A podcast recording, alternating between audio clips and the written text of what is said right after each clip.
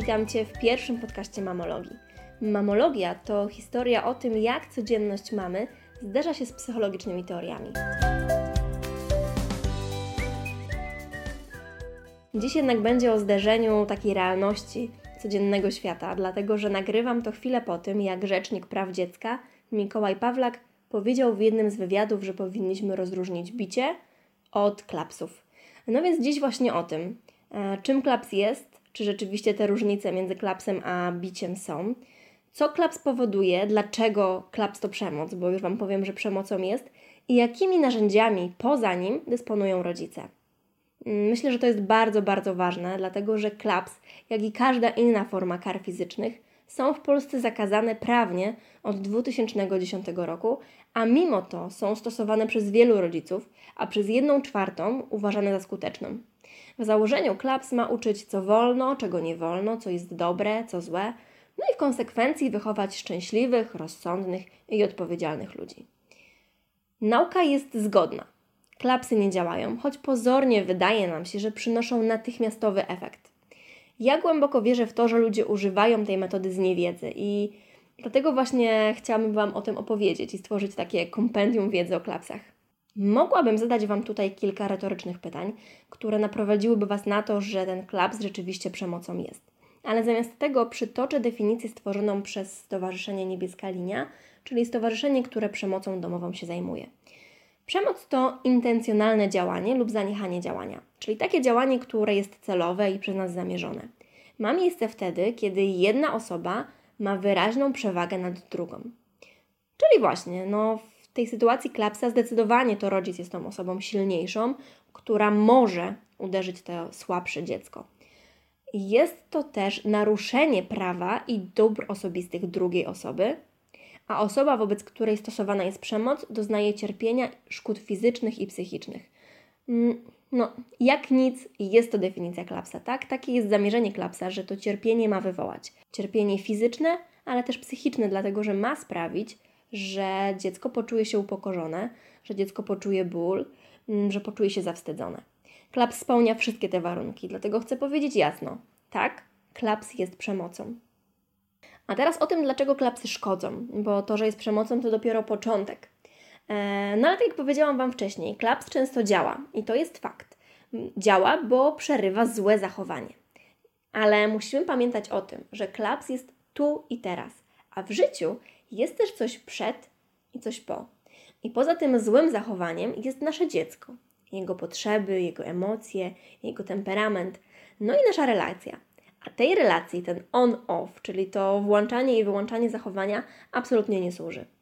Kary fizyczne uczą głównie tego, by zaprzestać działania w obecności osoby kontrolującej. Każde z przeprowadzonych badań na temat klapsów pokazuje, że klapsy nie są skuteczne w dłuższej perspektywie i dzieci faktycznie przestają robić to, co rodzice im zakazują, ale robią to w tym momencie, kiedy rodzic patrzy. Natomiast kiedy ta obecność rodzica już gdzieś się oddala, no to to zachowanie wraca.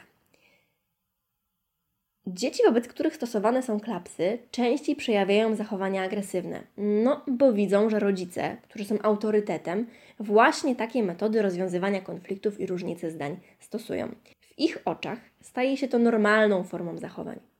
Dzisiejsza nauka o pracy mózgu dowodzi, że uczymy się najlepiej, kiedy jesteśmy spokojni, szczęśliwi, no a nie trzeba mieć magistra z psychologii, by domyślić się, że klapsom te emocje nie towarzyszą, a towarzyszy raczej strach, lęk, smutek. Tym samym dzieci przerywają zachowanie ze strachu, a nie dlatego, że nauczyły się, dlaczego to zachowanie jest złe. Te negatywne emocje, które pojawiają się w tych relacjach rodziców z dziećmi, powodują, że dzieci tracą wiarę w siebie, tracą zaufanie do rodziców, wolniej się uczą, mają niższą inteligencję i paradoksalnie częściej sprzeciwiają się rodzicom. Są agresywne i przejawiają zachowania antyspołeczne. I nie mówię tego tak z głowy. Mówię to, bo to pokazały badania, które były prowadzone na naprawdę dużej grupie, bo z ponad 160 tysięcy dzieci dostających klapsy i tylko klapsy. Nie było tam żadnej innej formy przemocy. Badania te były prowadzone nie tylko na tak dużej grupie, ale też prowadzone przez aż 50 lat. Powtórzę, 50 lat badań na 160 tysiącach dzieci potwierdza szkodliwość dawania klapsów. Myślę więc, że te dowody anegdotyczne, czyli te, które my mówimy na własnym przykładzie, czy przykładzie wujka Henka, wiecie, mnie bito i nic mi nie jest, powinniśmy schować sobie do kieszeni. Słyszę czasem głosy, że być może jest tak, jak mówię, i te klapsy rzeczywiście szkodzą, ale nie kiedy mówimy o jednym takim małym, okazjonalnym. No i wiecie, pytanie, co to znaczy mały klaps? Bo czy to jest y, jeden klaps naraz, czy o małym natężeniu? A co to znaczy małe natężenie? Możemy sobie tutaj gdybać. Ja nie wiem tego, czy ten jeden klaps jest szkodliwy, czy nie. Myślę jednak, że ważny tutaj jest sam fakt tego klapsa yy, i to, co wydarzyło się przed, i to, co wydarzyło się po tym wydarzeniu. Mam też pewne obawy co do tej okazjonalności. Myślę, że sam fakt dawania sobie przyzwolenia na dawanie klapsów jest problemem, bo nigdy nie wiemy, który klaps będzie tym przeważającym. Wolę więc uznać, że nie ma minimalnej dawki klapsa. Okej, okay, no ale wierzę w to, że ludzie, którzy sami klapsy dostawali i którzy do tej pory je w swoim rodzicielstwie stosowali, potrzebują jakiejś alternatywy. Są tak nauczeni. No i takie skuteczne i pozytywne, alternatywne reakcje istnieją, choć wymagają od rodzica zmiany myślenia. Gwarantuję jednak, że warto ponieść ten wysiłek. Mówię, że trzeba zmienić myślenie, bo tworząc relacje, a to ta relacja tak naprawdę jest tą metodą wychowawczą, musimy myśleć, mm, wiecie, bardziej długofalowo, nie tylko tu i teraz, tylko faktycznie o tym, co będzie kiedyś. I dlatego tak ważna jest rozmowa. Kluczem do sukcesu w każdych działaniach rodzicielskich jest wyznaczenie granic i ustalenie, czego oczekujemy od dziecka. Jakie zasady panują u nas w domu czy rodzinie, co akceptujemy, a czego nie. I wiecie, to nie chodzi o takie przedstawienie dziecku regulaminu i wypunktowanie, to możesz, tego nie możesz, tylko faktycznie oparcie tego na rozmowie. Takiej rozmowie, w której my mówimy dlaczego, z czego to wynika, dlaczego to jest dla nas ważne. Musimy też dać tutaj dziecku przestrzeń do tego, żeby to ono się wypowiedziało, żeby powiedziało, na czym jemu zależy w tej relacji w domu. Często słyszę od rodziców, że rozmowa nie działa i ile można tłumaczyć. I zawsze ze spokojem odpowiadam do skutku. Konieczne są rozmowy tak, by dziecko zrozumiało argumenty, a nie rodzicielskie nie, bo nie, dlatego że to donikąd nie prowadzi. No i pamiętajcie, że to zrozumienie dziecka to i tak jest dopiero początek, bo kiedy wy jesteście na diecie i wiecie, że słodyczy nie wolno, to czy to znaczy, że ta mała czekoladka was nie skusi, że ani razu nie zgrzeszycie? Dla dziecka to rezygnacja czy odraczanie przyjemności jest jeszcze trudniejsze, ponieważ jego układ nerwowy jest na to jeszcze nie gotowy i nie jest w stanie sobie z tym poradzić. I wiem, i jestem tego świadoma, że ta sytuacja wymaga od rodziców nadludzkiej cierpliwości. Ale mimo to zachęcam, aby zamiast nakazów i zakazów przemawiać logicznymi argumentami. Czyli pierwsza alternatywa, która jest bardzo niepozorna, to rozmowa, dialog i wyznaczenie granic. Druga to zapobieganie. I mówię zupełnie poważnie. Jeżeli właśnie rzucasz palenie, to nie stawiasz przed sobą paczki fajek. Jeśli od dziecka oczekujesz, że nie będzie trzaskało drzwiami, to załóż ograniczniki. Jeśli dziecko ogląda za dużo telewizji, wynieś telewizor z dziecięcego pokoju czy innego, w którym dziecko spędza dużo czasu. Jeśli chcesz, żeby po pokoju nie było porozrzucane 100 zabawek, to niech Twoje dziecko posiada ich jeden koszyk. Jeżeli obawiasz się, że takie usuwanie przeszkód z życia dziecka niczego go nie nauczy, to przestań się tym zamartwiać. Życie jest pełne pokus i nie każdą jesteś w stanie usunąć, ale te, które możesz, dlaczego nie? Pamiętaj też, że wiele tych złych zachowań dzieci bierze się z walki o uwagę. To dlatego dzieci najwięcej marudzą wtedy, kiedy my mamy mało czasu. Zadbaj więc o to, aby dziecko codziennie miało Ci choć chwilę dla siebie, przez krótki czas, ale tylko i wyłącznie dla siebie. Taki czas, kiedy nie sięgasz po telefon, nie mieszasz zupy w garnku, nie wieszasz prania. Tak, by o tą uwagę dziecko nie musiało walczyć tym złym zachowaniem. Rodzice często mówią, nic do niego nie dociera. Mam już dość tego tłumaczenia. I wiecie, jeżeli chcemy, żeby dotarło, to musimy wybrać dobry moment. W silnych emocjach, kiedy dziecko krzyczy, płacze, złości się, biologicznie nie jest możliwe, by mózg przyjął logiczne argumenty. Na rozmowy przychodzi czas, kiedy emocje dziecka i rodzica opadną. Co więc zrobić w kryzysowej sytuacji? Zatrzymaj dziecko. Na przykład, kiedy rzuca zabawkami, przytrzymaj jej gorączkę. Powiedz krótko, co czujesz. Złoszczę się, kiedy widzę, że rzucasz zabawkami. Martwię się, że się zniszczą.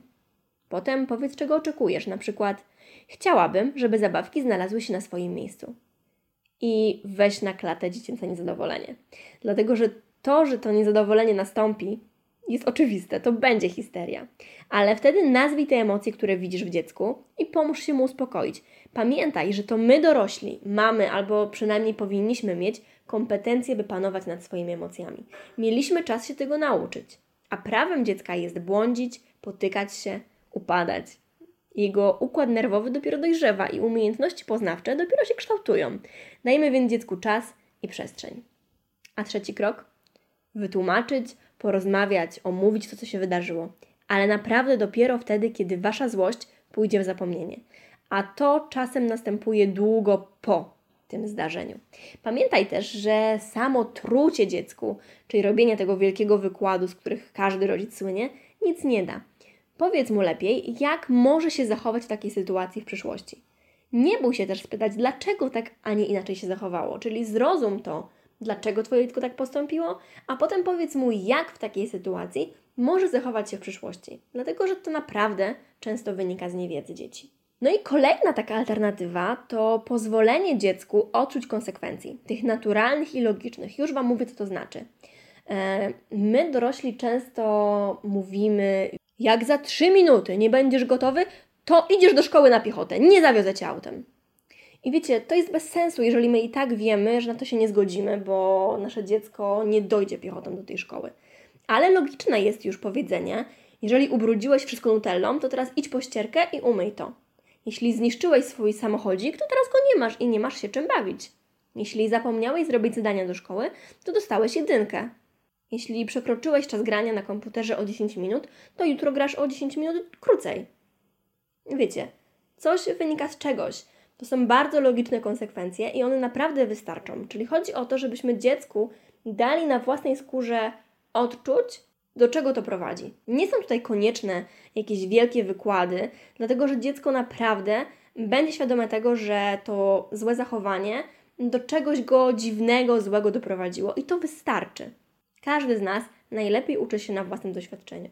I nawet jeżeli Wam się wydaje, że dziecko i tak tego nie ogarnia i dla niego to jest za mało, że musi pościerać tą ścierką, to uwierzcie i zaufajcie mi, że to naprawdę działa. Dzieci chcą być kochane, chcą być lubiane, chcą być chwalone i będą do tego dążyć, jeżeli tylko damy im do tego przestrzeń. Ale muszą wiedzieć, czego my oczekujemy. Dlatego mówmy wprost, czego chcemy od nich, nawet jeżeli uważamy, że to jest oczywiste. Na przykład, lubię, kiedy w Twoim pokoju jest porządek, a wszystkie rzeczy są na swoim miejscu. Wtedy jest tutaj o wiele przyjemniej. No i wiecie, w tym zdaniu, które powiedziałam, mamy nasze uczucia, czyli to, że ja to lubię i to jest dla mnie przyjemne. Yy, mamy nasze oczekiwania, czyli to, że ja chcę, żeby te zabawki były na półkach, i mamy też wytłumaczenie dlaczego. No bo wtedy jest przyjemniej. I tutaj jakby dziecko dostaje naprawdę prostą instrukcję. A kolejna sprawa to przyłapywanie dzieci na tym, co zrobiły dobrze. Ale dzisiaj super sprawnie zjadłeś obiad. Wow, ale tutaj jest czysto. O, widzę, że ciężko nad tym pracowałeś. Powinieneś być z siebie dumny. Wiecie, w tym momencie dziecko widzi, że to dobre zachowanie się opłaca, bo to ono zwraca uwagę rodzica. Tyle słuchajcie, to nie są metody, które działają na taki guziczek włącz, wyłącz, ale działają długofalowo, dlatego warto się im poświęcić. Mimo, że wiem, że to wymaga dużo wysiłku, dużo cierpliwości i dużo czasu, ale to działa. Klaps nie. Klaps działa na chwilę, przy czym jeszcze ma wiele konsekwencji negatywnych, które Wam wymieniłam na początku. Na koniec, pamiętajcie o tym, że klaps jest formą przemocy wobec dziecka. Brak klapsa nie oznacza braku dyscypliny, a dorosły, odpowiedzialny rodzic jest w obowiązku znaleźć inne metody wychowawcze. A na koniec jeszcze chciałabym Wam powiedzieć, że jeżeli przychodzi Wam do głowy taki argument, za moich czasów tak było i wyrosłem na porządnego człowieka, to cóż, zastanówcie się, czy na pewno tak jest. Nie mówię, że jesteście nieporządni, ale czy na pewno dobrze radzicie sobie w relacjach? Czy na pewno jesteście asertywni, pewni siebie? Czy zawsze jesteście świadomi tego, co czujecie? Czy dobrze sobie radzicie z emocjami? Statystyki psychiatrii polskiej, e, uzależnień, w jakie wpadamy, nerwic, depresji, naprawdę na to nie wskazują, że jest dobrze z naszym pokoleniem. Bardzo Wam dziękuję za wysłuchanie tego podcastu. Mam nadzieję, że znaleźliście tutaj coś dla siebie ciekawego, że skłoniło Was to do jakichś przemyśleń. Jeżeli tak, to podzielcie się nimi ze mną, napiszcie do mnie, będę czekać. No i co, zapraszam Was do kolejnych podcastów lub na www.mamologia.pl, gdzie znajdziecie więcej o wspieraniu rozwoju Waszego dziecka. Do usłyszenia.